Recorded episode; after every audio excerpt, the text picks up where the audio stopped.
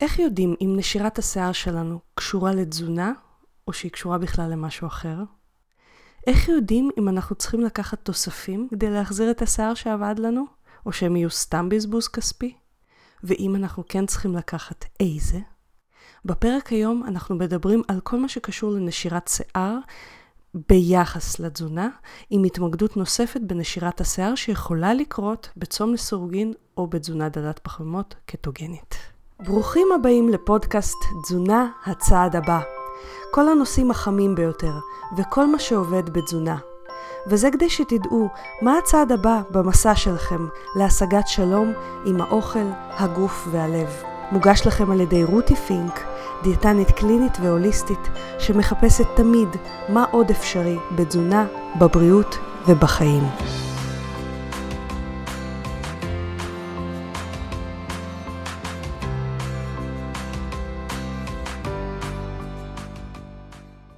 בכל פורום שקשור לצום לסורגין או לתזונה קטוגנית בצורה זו או אחרת, אנחנו פוגשים הרבה דיווחים על נשירת שיער.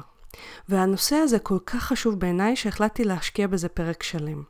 כי נשירת שיער בהחלט יכולה לרמוז לנו שיש בעיה כלשהי, והיא יכולה להיות תגובה טבעית של הגוף שעוברת לבד בלי שנשקיע בזה מחשבה אחת נוספת. אז הפרק היום יעסוק בנשירת השיער עם התמקדות מיוחדת בצום לסירוגין ו/או תזונה קטוגנית. עכשיו, אני אומרת את זה, את ה-ו/או הזה, כי חלק עושים את הצום לסירוגין ביחד עם תזונה קטוגנית, או לפחות תזונה דלת פחמות, וחלק עושים אחד בלי לעשות את השני. אז מצד אחד, שני הדברים האלה לא מחייבים אחד את השני. אפשר לעשות צום לסירוגין למשל בלי להיות דל פחמימות או קטוגני, אפשר גם לעשות את זה להיות צמחוני, טבעוני, דש, whatever, ואפשר לעשות קטו או דל פחמימות בלי לעשות צום לסירוגין בצורה יזומה. כך או כך, בחלק מהמצבים האלה נפגוש נשירת שיער, ולכן חשוב לקבל מידע אמין שנחקר מדעית בנושא הזה. אז בואו נתחיל קודם כל מלהגדיר על איזה סוג נשירה אנחנו מדברים, כי יש סוגים שונים של נשירה. ויש נשירות שרק רופא יכול לטפל בהן. למשל, יש נשירה אופיינית להתקרחות. אה, זה מופיע בדפוס יחסית קבוע אצל גברים, מין התקרחות בצדעיים, אחר כך מין יצירת אה, צורה כזאת של אם על הקרקפת, הידלדלות שיער אחר כך בכתר הראש וכן הלאה. אצל נשים זה התקרחות כזאת מאפיינת יותר את כתר הראש ומפוזרת יותר.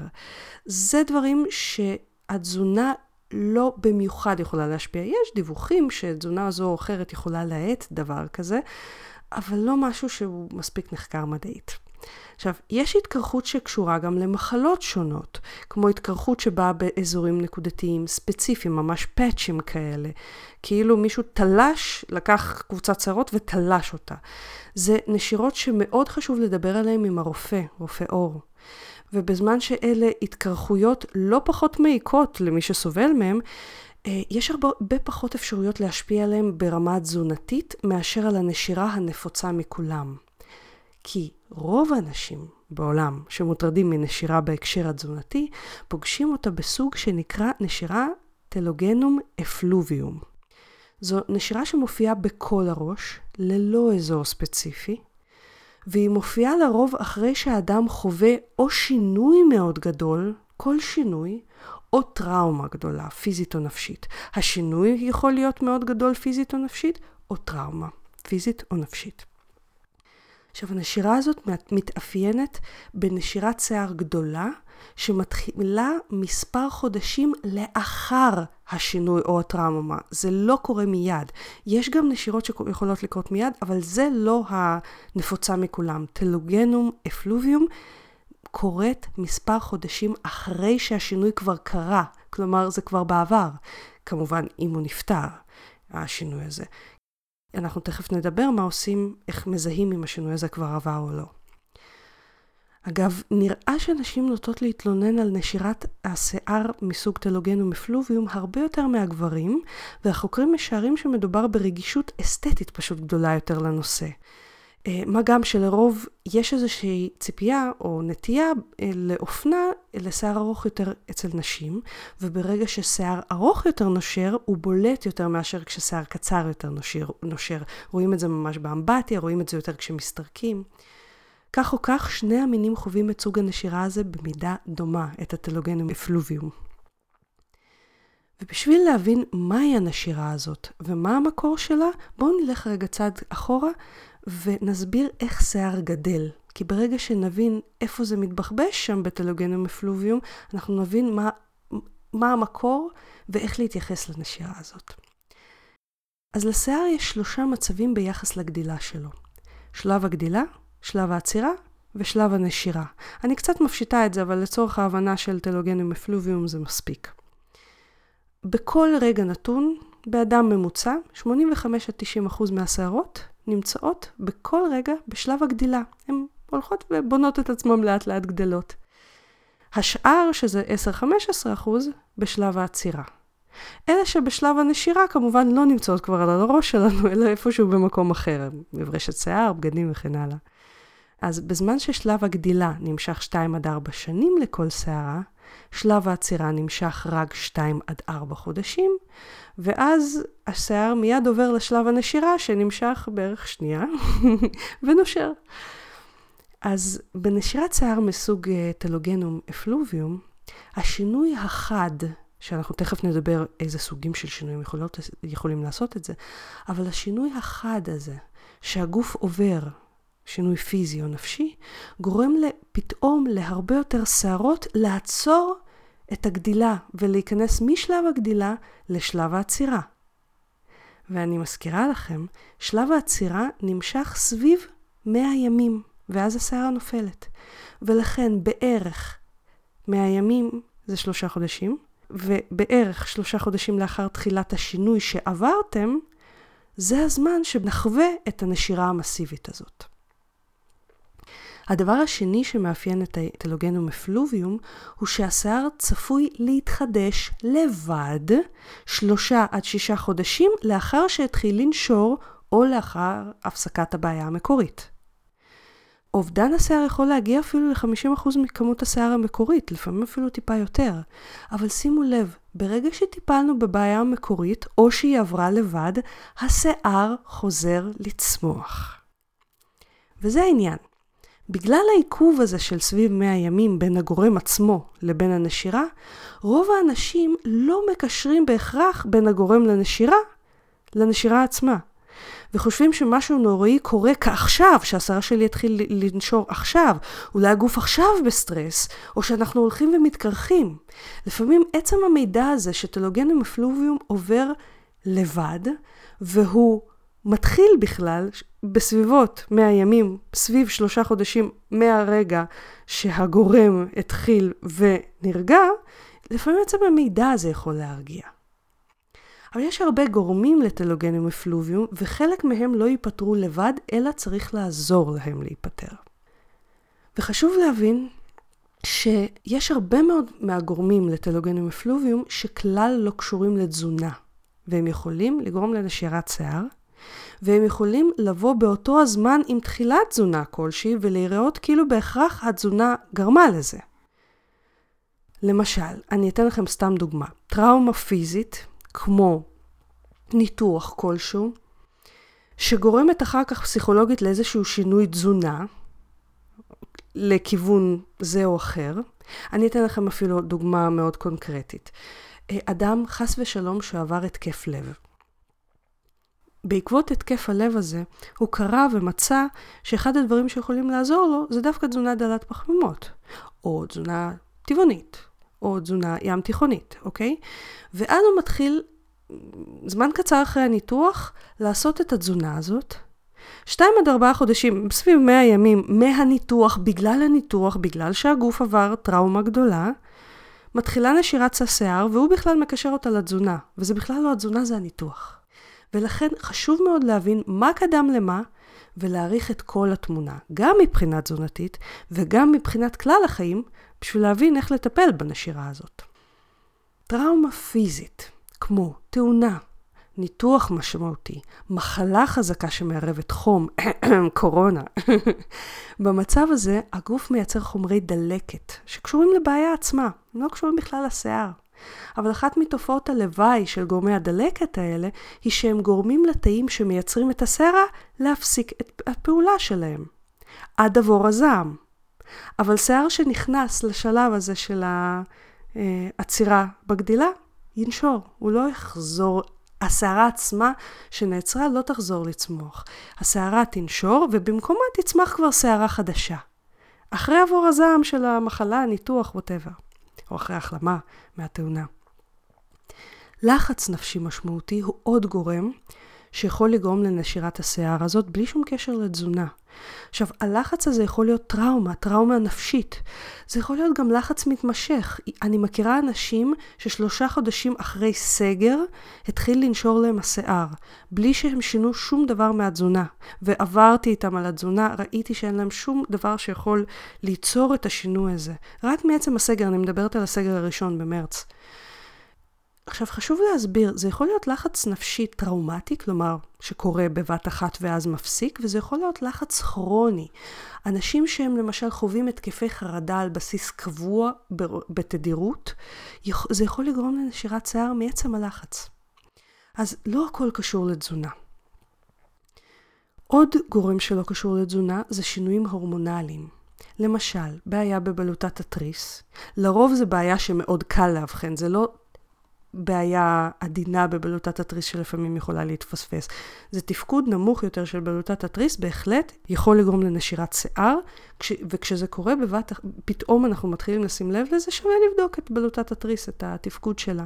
בדרך כלל, הנשירה המשמעותית תקרה כשה-TSH כבר גבוה, מעל הנורמה, ולא כש-TSH תקין ויש לנו קצת ירידה בהורמוני בלוטת התריס. עוד מצב שיכול לגרום לנשירה כזאת זה גיל מעבר. עוד מצב זה הריון. כל המצבים האלה זה מצבים שבהם אנחנו עוברים איזשהו שינוי מאוד מאוד משמעותי. מצב הורמונלי נוסף שרבים שוכחים עליו, זה התפת... כשמתפתחת סכרת מסוג אחד, יכולה לקרות נשירת שיער, כי יש שינוי משמעותי, יש נש... נסיקה נ...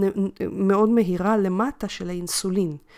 אנחנו בסוכרת סוג אחד, יש ירידה עדינה עדינה עדינה, ואז בום, יש איזושהי נסיקה שממנה מתחילה להתפתח הסוכרת סוג 1, הטיפוסית.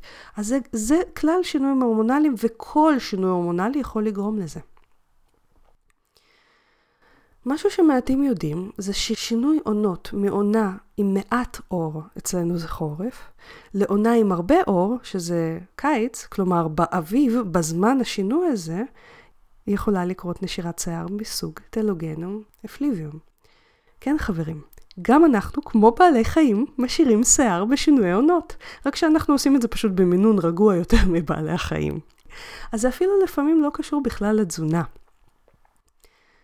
עכשיו, הנה אנחנו מגיעים לנושא הראשון שקשור לתזונה, וזה ירידה משמעותית מאוד במשקל יכולה ליצור את אובדן השיער הזה, כי מבחינת הגוף זה נחווה כסוג של סטרס, סוג של לחץ או טראומה. עכשיו, ירידה משמעותית מאוד במשקל יכולה לקרות מדיאטה קיצונית. קיצונית זה אומר עם כמות קלוריות מאוד נמוכה. היא יכולה לקרות מהפרעות אכילה. היא יכולה ונוטה לקרות אחרי ניתוח בריאטרי, כי הירידה במשקל אחרי ניתוח בריאטרי כל כך מהירה, שהגוף עוצר זמנית את התאים האלה שמגדילים את השיער, ואז אתם זוכרים, הם קודם צריכים לנשור, ואז השיער מתחדש. אנחנו רואים ירידה משמעותית במשקל גם במצבי קטוזיס וצום לסירוגין. זה לא תמיד בגלל עצם הקטוזיס או בגלל עצם הצום לסירוגין. לפעמים זה פשוט מירידה משמעותית במשקל. אנחנו על העניין של צום לסירוגין וקטוזיס נדבר קצת יותר בהמשך, אבל אני יכולה לספר לכם שלמשל במרפאה הבריאטרית שעבדתי בה כשעוד הייתי בקופת חולים, ממש היינו מזהירים מראש על הנושא הזה, מרוב שהוא היה נפוץ, כדי שאנשים לא ילחצו. וכל עוד האנשים היו במעקב תזונתי ווידאנו שלא חסר להם שום דבר מבחינת הרכיבים התזונתיים, הנשירה הייתה באה, היינו מחזיקים להם את הידיים, היינו אה, מרגיעים אותם, והיא הייתה באה, ואחרי שלוש עד שש חודשים השיער היה חוזר לצמוח. קיטלוגנום אפליביום, ברגע שהסיבה המקורית, שהסיבה המקורית הייתה הטראומה של הניתוח והירידה ההתחלתית המאוד מהירה, ברגע שהסיבה הזאת הייתה עוברת, כי אתה לא נושר כל הזמן במשקל, אתה יורד, באיזשהו שלב אחרי ניתוח בריאטריה אתה מתחיל לרדת מאוד מאוד בצורה עדינה, של בין 2 ל-4 קילו בחודש בדרך כלל. אז אחרי שהנשירה הזאת, המהירה של החודש בערך הראשון במשקל הייתה נעלמת, אנחנו סופרים בערך שלושה-שישה חודשים ומצפים משם להתחלת החזרה של צמיחת השיער. מבחינת התזונה, יש הרבה מאוד רכיבים שבהחלט יכולים ליצור נשירת שיער. המחסור בהם לא בהכרח אופייני רק לקטו או לצום לסורוגין, אבל יש מהם שאופייניים יותר. אבל בואו נדבר קודם על הקטו והצום לסורוגין לחוד, על המנגנונים בהם שכן יכולים ליצור נשירת שיער. בקטו קורה שינוי הורמונלי מאוד מאוד גדול. אנחנו מחליפים מנוע, אנחנו במקום דלק עוברים לסולר, או מסולר לדלק, או מדלק לגז, איך שלא תקראו לזה, זה יוצר שינוי הורמונלי בכלל הגוף. כשאחד הדברים המשמעותיים שמשתנים בקטו זה ירידה מאוד מאוד משמעותית באינסולין. כלומר, קטו עצמו, תחילת קטו, אפילו אם אתם אוכלים בצורה מעולה ולא חסר לכם שום דבר, קטו עצמו יכול ליצור את הנשירת שיער הזאת מסוג טלוגנום אפליביום. אבל אני מזכירה לכם, הגוף, ברגע שהשינוי ההורמונלי נרגע, כלומר הגוף יסתגל לקטו, הנשירה הזאת עוברת לבד. זה לא אומר שלא חסר לכם שום דבר בתזונה, זה לא אומר שלא צריך לבדוק את התזונה.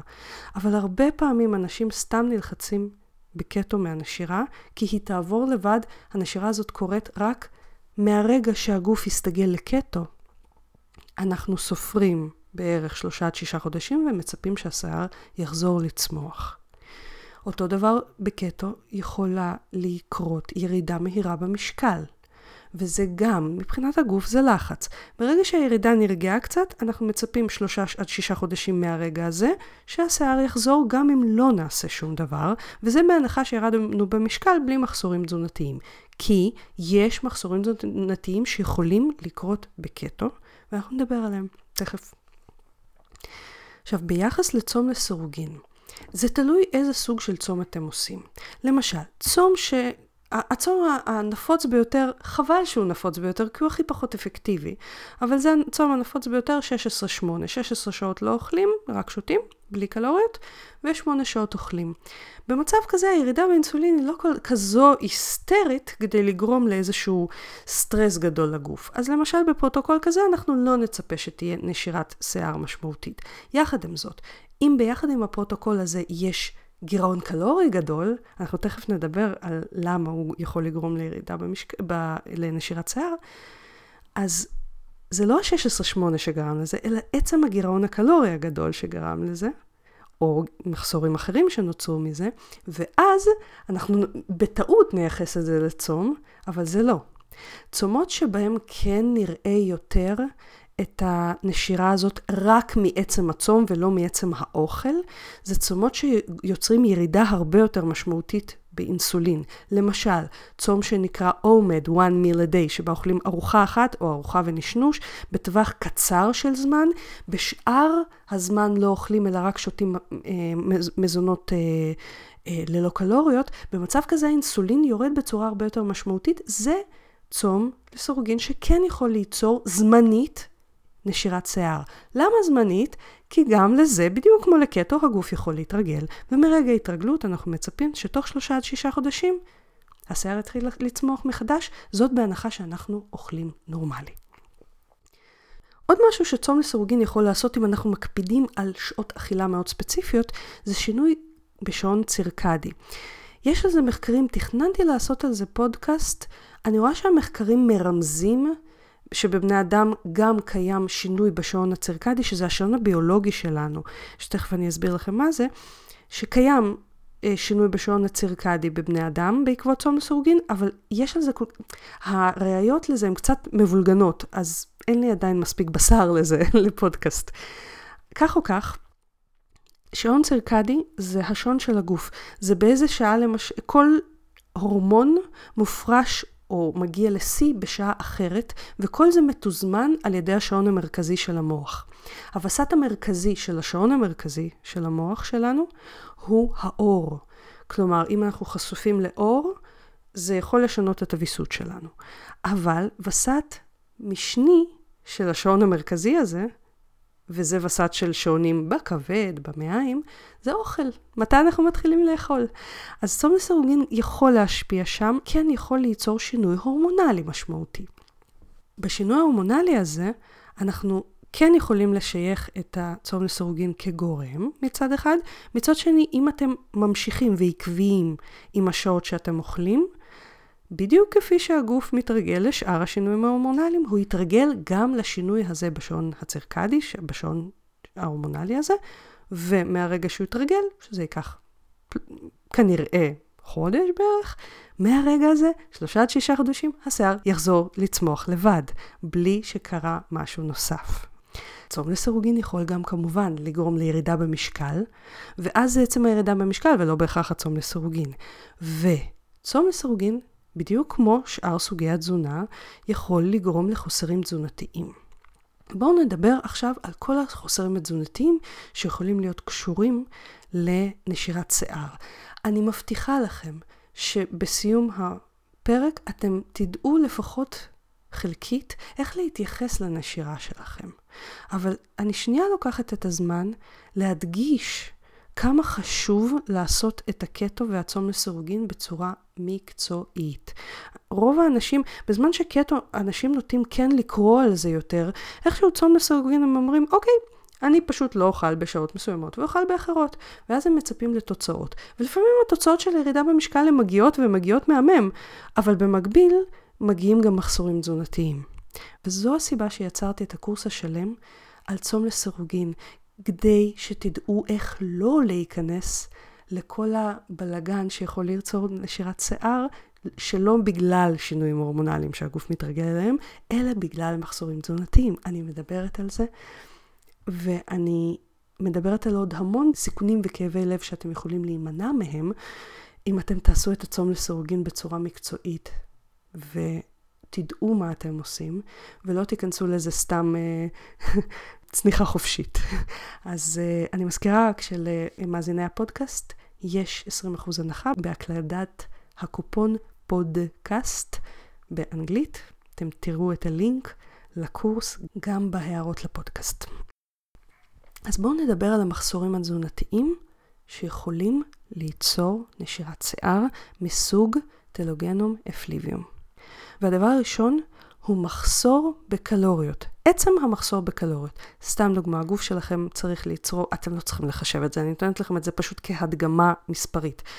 נגיד שהגוף שלכם צריך לצרוך 2,000 קלוריות ביום כדי לתפקד בצורה רגילה, לצורך התפקוד הרגיל, בלי לרדת במשקל, בלי לעלות במשקל, זה היציב שלו, פלוס מינוס 2,000 קלוריות. מה שאנחנו רואים במחקרים זה ברגע שאנחנו יורדים בכמות הקלוריות, כמעט ואין אפשרות להגיע למספיק רכיבים תזונתיים, שזה ויטמינים, מינרלים, בגירעון קלורי, בלי לשבת על המחשבון רוב היום, ובלי לחשב נונסטופ את כל מה שאתם אוכלים. זה בלתי אפשרי אם אתם לא לוקחים תוספי, תוסף מולטי ויטמינים. ולמה אני מדברת על זה? כי עצם המחסור בקלוריות, אם הוא גדול מדי, למשל אתם צריכים לצרוך 2,000 קלוריות ואתם אוכלים 500. עצם המחסור הזה עלול ליצור את הלחץ הזה, שדיברנו שיכול לעשות שינוי הורמונלי, שיכול לעשות את הנשירה הזמנית הזאת, שזה עוד מילא, זה עוד משהו שהגוף יכול להתרגל אליו. אבל מעצם זה שאתם מחסור, במחסור קלוריות, ככל שהמחסור הזה גדל, ככה היכולת שלכם להגיע לכמות הוויטמינים והמינרלים המספקת יורדת. כן, גם אם אתם אוכלים איברי פנים, תעשו חישובים ואתם תראו שברוב הימים אתם לא תגיעו לכל הערכים התזונתיים הרלוונטיים לכם. ולכן, עצם העובדה שאתם מרזים אומר שאתם בגירעון קלורי. עצם זה שאתם בגירעון קלורי יכול להוריד אתכם למחסורים תזונתיים. ולכן חשוב להבין איזה מחסורים תזונתיים אתם, יכולים, אתם נמצאים בהם, ולתת לכם השלמה מהרכיבים האלה בתזונה, או להשלים לכם את זה בתוספים, בלי להלעיט אתכם בסתם מולטיוויטמין, בגלל ש... בחלק מהמצבים, אם אדם, אדם לוקח מולטיוויטמין בלי שאיש מקצוע עוקב אחריו, זה יכול להביא לעודפים מיותרים. וגם לעודפים יש סיכונים. אני אדבר על זה קצת בהמשך הפודקאסט. אז מחסור ראשון זה עצם המחסור בקלוריות. כן, בכל סוג של דיאטה, בלי שום קשר לקטו או צום לסירוגין. המחסור השני הוא מחסור בחלבון. חבר'ה, אנחנו צריכים חלבון בשביל לצמח שיער. זה לא מדע טילים. שיער בנוי מחלבון. ברגע שיש לנו מחסור בחלבון, ברגע שהאוכל שלנו לא עשיר מספיק בחלבון, הגוף יעדיף להכניס את החלבון שאנחנו כן מכניסים לתפקודים אחרים מאשר לצמיחת השיער. ולכן מאוד חשוב מצד אחד לא לצרוך עודפי חלבון, אבל מצד שני גם לא להגיע למחסורים. ובצום לסורוגין ובקטו אני פוגשת מחסורים בחלבון, אני פוגשת אותם כמעט על בסיס יומיומי אצל מטופלים חדשים שבאים אליי ומתחילים לפני שדיברנו על זה. למה? בקטו יש איזה מין הילה כזאת שבקטו אוכלים מלא מלא חלבון. זה נראה אולי מלא חלבון על הצלחת, אבל אם אנחנו עושים חישובים, אנחנו מגיעים שבשביל להיות בקטו, ברוב הזמן אנחנו צריכים המון שומן וכמות בינונית או קטנה של חלבון. אני מדברת על גרמים של נטו חלבון, כי זה שאתם רואים, נגיד, בשר על הצלחת לא אומר שכל כולו חלבון. 100 או 200 גרם סטייק זה לא 100 או 200 גרם חלבון. זה סביב 25-30 נגיד גרם חלבון אם זה 100 גרם סטייק. כל השאר זה לא חלבון. אה, זה יכול להיות שומן, זה יכול להיות מים, אבל זה לא חלבון. ולכן בקטו, בשביל להגיע לכמות חלבון מספקת, צריך להקפיד לאכול את החלבון הזה. יש לי למשל אנשים שבשביל להגיע למיעוט קלוריות, הם אה, אוכלים פחות פשוט מהחלבון השמן. הם עדיין נמצאים בקטוזיס, כי הם נגיד, סתם דוגמא, משלבים צום לסירוגין, אז זה מפחית להם את התיאבון, אז הם עדיין בגירעון קלורי, אבל הם לא מגיעים למספיק חלבון. וגם אנשים שבעקבות קטו, יש להם דיכוי תיאבון כזה שהם מגיעים לארוחה אחת ביום, עלולים לא להגיע למספיק חלבון. בצום לסירוגין, האס הגדול של צום לסירוגין זה דיכוי תיאבון, זה הפחתת תיאבון אחרי התרגלות, לא בהתחלה, בהתחלה רעבים יותר, אבל אחרי התרגלות אנחנו חווים ירידה בתיאבון, וברגע שיש ירידה בתיאבון, הנטייה שלנו היא לאכול פחות מהמזונות המשביעים כדי לכלול יותר אוכל, ואין לכם מושג כמה אנשים בצום לסירוגין סובלים ממחסור בחלבון. כל אדם אצלי שנכנס לצום לסירוגין, אני מוודאת איתו שהוא אוכל מספיק חלבון. מחסור בחלבון יכול לקרות לא רק בצום לסירוגין ובקטו, נורא נפוץ במנותחים בריאטרים, שגם מוגבלים בנפח האוכל.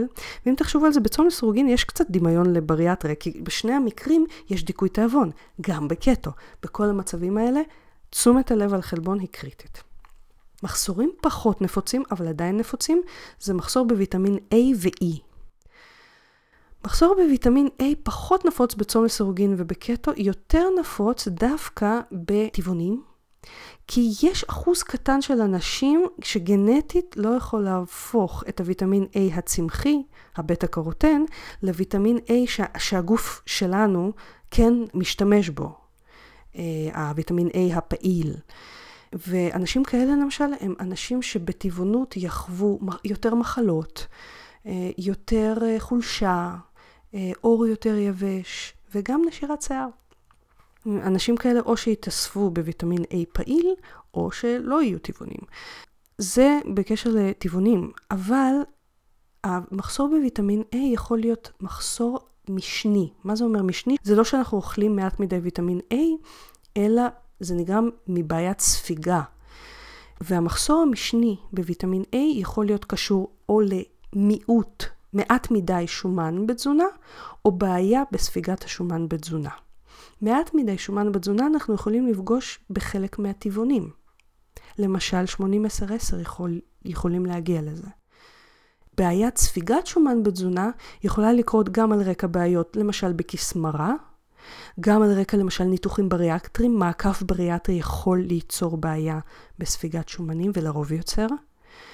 או בעיות נוספות אה, של אה, צליאק ודברים כאלה. זה משהו שאפשר לבדוק, וזה משהו שאם יש חשד בהימצאות של זה, אנחנו כן ניטה לתת תיסוף ויטמין A. ויטמין E שוב, המחסור שלו לרוב הוא משני על רקע מחסור בשומן או ספיגת שומן בתזונה, כי זה משהו שדי קל להשלים גם בתזונה טבעונית, גם בתזונה קטוגנית, גם בכל סוג של תזונה עם אגוזים גרעינים או מזונות שומניים מהחי.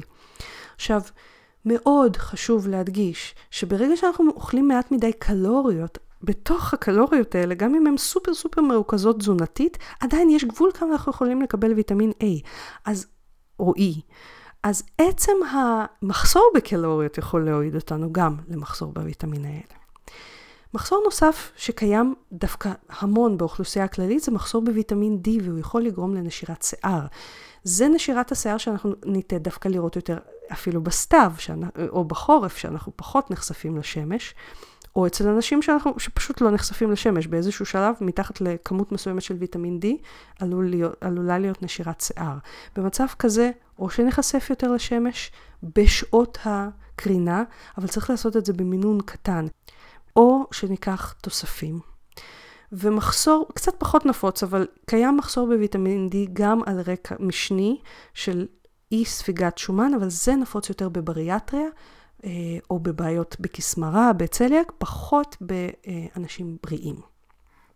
מחסור נפוץ מאוד אצל נשים בגיל הפוריות זה מחסור בברזל, וזה בגלל שהצרכים התזונתיים קודם כל של נשים בגיל הפוריות גבוהים יותר לברזל, גם כי יש אובדן ברזל בדם הווסת, וגם אם נגיד זה הריון והנקה, אז יש אובדן גדול יותר של ברזל לעובר או לתינוק בהנקה.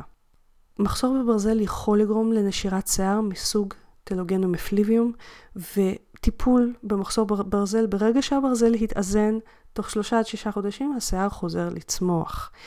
יש דיווחים גם על מחסור בפריטין, פריטין זה מאגרי ברזל, שיכול לגרום לנשירה. אז אפילו אם הפריטין שלכם נמוך, אנחנו לא רוצים להשאיר את זה ככה. פריטין זה בדיקה שעושים בדם. מחסור אחרון ומאוד מאוד uh, קשור, שיער, ציפורניים ועור, זה מחסור באבץ. עכשיו זה מחסור שנפוץ בכל סוג של תזונה לא מאוזנת, אבל קצת יותר נטייה בטבעונות וצמחונות, כי רוב המזונות העשירים באבץ הם מה... אלה שנחשבים כאילו בריאותיים יותר, וטבעונות שתתבסס על אה, סנדוויצ'ים למשל, הרבה פעמים עלולה לא להגיע לכמות האבץ המספקת. אותו דבר מחסור קלורי שנובע, שיכול לקרות בקטו או בצום לסירוגין בגלל הדיכוי בתיאבון. אותו דבר כמובן בניתוח בריאטרי.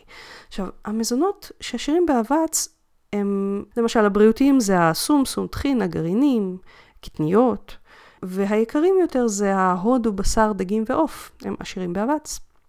במיוחד עוף דווקא מכל המזונות. אה, והודו. אתם מבינים כבר כמה הנושא הזה הוא מורכב, זה לא רק מתזונה, זה לא רק מקטו, זה לא רק מצום לסירוגין, זה לא רק מזה שבא האביב ואנחנו מנשירים אה, עונתי, זה יכול להיות גם וגם וגם, ולכן מאוד מאוד חשוב להוציא את המוץ מהתבן, להבין מה הגורם האמיתי. אז איך מטפלים בזה בעצם? אז קודם כל מזהים את הסיבה לכך. עוברים על רשימת הדברים הלא תזונתיים שציינתי כגורמים לכך, ובודקים מה מהן ייתכן שקרה לפני 2 עד 4 חודשים. אם משהו מזה קרה, נגיד סטרס, וחלף כבר, אז צפו לחידוש צמיחת השיער סביב 3 עד 6 חודשים אחרי שהדבר חלף. וקחו בחשבון שמן הסתם ייקח עוד זמן עד שהקרקפת תתמלא מחדש, ונפח השיער יחזור לקדמותו, כי זה שהשיער חוזר לצמוח זה סבבה, אבל לוקח לו להגיע לאורך מסוים כדי להתחיל לתרום לנפח השיער הכללי, בייחוד אצל נשים שאצלם באופן כללי השיער נוטה להיות ארוך יותר. דבר שני, בודקים חוסרים תזונתיים. ממה שאני רואה בקליניקה, הנפוץ ביותר בצום לסירוגין וקטו זה דווקא חלבון, בניגוד לכל הדעות הרווחות האחרות. דבר נוסף, זה עוברים על בדיקות הדם ובודקים אם יש אנמיה, או מחסור בברזל, או מחסור במאגרי ברזל. אולי יש מחסור באבץ, אנחנו יכולים לבקש בדיקה. אפשר לבקש, לבדוק מחסור בחלבון בבדיקות דם. בודקים אם יש מספיק שומן בתזונה, ואם ספיגת השומן טובה. עכשיו, במידה וגילינו מה הסיבה, מטפלים בה ספציפית. תוספים שהוכחו כיעילים במצבי נשירת השיער הם תוספים שמכסים את הוויטמינים השונים שיכולים להיות חסרים. או ביחד או בנפרד. למשל, אם חסר רק אבץ, תוסף אבץ יכול לעזור. אם חסר גם אבץ, נגיד וגם ברזל, תוסף שכולל את שניהם יכול לעזור, אבץ לבד לא בהכרח יעזור. עכשיו בארץ הניסיון הקליני שלי מראה שרוץ HR של אלטמן מאוד עוזר למטופלים ולמען הסר ספק אין לי קשר עם החברה, אני לא מקבלת מהם שום הטבות, אני אומרת לכם נטו מהניסיון הקליני שלי, אבל רוץ HR מכסה המון ויטמינים ביחד. ואני מאוד נגד סתם תיסוף תזונתי, כי גם לעודפי ויטמינים יש השלכות ולפעמים אפילו סיכונים. בעיניי כל תיסוף של מולטי ויטמין, מולטי ויטמין זה יותר משני ויטמינים ביחד, כן? הוא חייב לבוא על ידי איש מקצוע בלבד, כי בזמן שמולטי ויטמין כמו רוץ HR או אחרים יכול לכסות מגוון רחב של מחסורים ולעזור מאוד, במצבים מסוימים הוא עלול ליצור עודפים שעלולים לגרום גם לנזק. סתם דוגמה, עודף ברזל במערכת העיכול עצמה שיכול לקרות מצריכת רוץ HR ביחד עם תזונה עשירה בברזל, לא עודף ברזל בגוף, רק נטו במערכת העיכול. זה יכול להגביר סיכון לסרטן במערכת העיכול, כי ברזל זה חומר מחמצן. אנחנו רוצים אותו במינון מתאים, אבל חשוב שהוא לא יהיה במינון עודף. בנוסף, יש אנשים שסתם לוקחים ערוץ HR או כל תוסף אחר, בזמן שהתזונה שלהם מצוינת, אין להם שום חוסרים, והם פשוט חווים את הנשירה בגלל איזשהו שינוי הורמונלי, למשל שהקטו יצר. אבל רותי, יגידו אנשים מסוימים, אני לקחתי את התוסף הזה והוא עזר. ווטאבר תוסף, לא יודעת, אבץ, רוצי שער או כל תוסף אחר, אני כל פעם שומעת שוויטמין כלשהו עזר להם. ואני אסכים כמובן, כי או שהיה לאדם מחסור תזונתי שהתוסף הזה פתר, בתקווה שהוא לא יצר עודף של רכיב אחר במקביל, או בגלל ההקשר של הזמן. אם אנחנו מתחילים לקחת את התוסף, נגיד חודש, חודשיים אחרי תחילת נשירת השיער, שזה השלב שבו אנחנו שמנו לב לזה שנושר לנו שיער, תוך חודש השיער עלול בעצמו להתחיל לצמוח מחדש, בלי קשר לתוסף, כי זה טבעה של נשירת השיער מסוג טלוגן ומפליביום. ואז האדם סתם בזבז כסף ובטוח שזה רק התוסף שעזר לו ושהוא חייב לקחת אותו כל הזמן כדי לגרום לשיער לגדול בזמן שעם הזמן התוסף הזה יגרום לו סתם עודפים של ויטמינים ומינרלים ואת הסיכונים של העודפים. מה שלא ראיתי שעוזר למישהו עם נשירת שיער זה קולגן או ציר עצמות. בקהילת הקטו ממליצים הרבה פעמים על מרק עצמות או תוספי קולגן כדי לטפל בנשירת השיער. עכשיו חשוב לי להגיד, מרק עצמות הוא לא דבר מזיק. סביר מאוד להניח שהוא דבר מועיל למגוון דברים. כנ"ל תוספי קולגן. אבל חיפשתי מאמרים שיתמכו בהמלצה הזאת, על קולגן או על מרק עצמות, ומצאתי מחקר אחד בלבד על שיער, שבו ניתן תוסף קולגן ביחד עם צי שלם של רכיבי תזונה נוספים. ולא מספיק זה, הוא גם מומן על ידי החברה שסיפקה את התוספים לחוקרים. אז אנחנו לא ממש יכולים לבודד את הקולגן כגורם להפסקת נשירת השיער, כי היו שם רכיבים רבים נוספים שיכולים לעזור לצמיחת השיער. אז לכאורה יש היגיון בלהאמין שתוסף קולגן או מרק עצמות שעשיר בזה, יכול לעבוד, כי חומצות האמינו בקולגן יכולות לספק את חומצות האמינו לצורך צמיחת השיער. אבל זה לא שאם נקבל קולגן הוא אוטומטית ילך רק לשיער, הוא יכול ללכת בכלל למקומות אחרים שזקוקים לו יותר, אז ספציפית לשיער אין הוכחה כיום שזה יעזור יותר מאשר שאר הדברים שציינתי. אז למה ממליצים על זה כל כך בקהילת הקטו לנשירת שיער? על אה, ציר עצמות וכן הלאה? קודם כל זה בטוח לא מזיק, אבל להועיל אם הטלוגן המפליביום שלכם נגרם מעצם השינוי ההורמונלי שקרה בעקבות השינוי לקטו או לצום לסורגין, וזה לרוב המצב, לפחות בהתחלה, אז זה יעבור לבד בדיוק כפי שזה הגיע אפילו בלי ציר עצמות. אז אני מקווה שנהניתם מהפודקאסט היום. אם אתם רוצים להיות בקשר או לשלוח שאלות לפודקאסט, אתם ממש מוזמנים לבקר באתר של הפודקאסט rutifink.com, פינק כמו F כמו פנטזיה, rutifink.com/פודקאסט. אתם גם מוזמנים לחפש אותי ביוטיוב, יש לי ערוץ מלא בסרטונים על תזונה דלת פחמימות וצום לסירוגין, פשוט חפשו רותי פינק ביוטיוב. יש לי גם ערוץ באינסטגרם, פשוט חפשו רותי פינק באנגלית, שוב F כמו פנטזיה. אתם ממש מוזמנים לעקוב אחריי גם בפייסבוק. אתם יכולים לחפש אותי פשוט בעברית, רותי פינק, או להיכנס לאחת משתי הקבוצות שאני מנהלת, דלי פחמימות ישראל, והקבוצה צום לסירוגין עם רותי פינק. ואנחנו נשתמע שבוע הבא. תודה שהקשבתם לפודקאסט תזונה הצעד הבא. אני מקווה שנהניתם. חשוב להדגיש שהמידע בפודקאסט מוענק לצורכי העשרה בלבד, והפודקאסט לא מהווה בשום צורה תחליף לייעוץ או טיפול אישי. בכל בעיה רפואית או נפשית יש לפנות למטפל מוסמך. ואנחנו ניפגש בעוד שבועיים.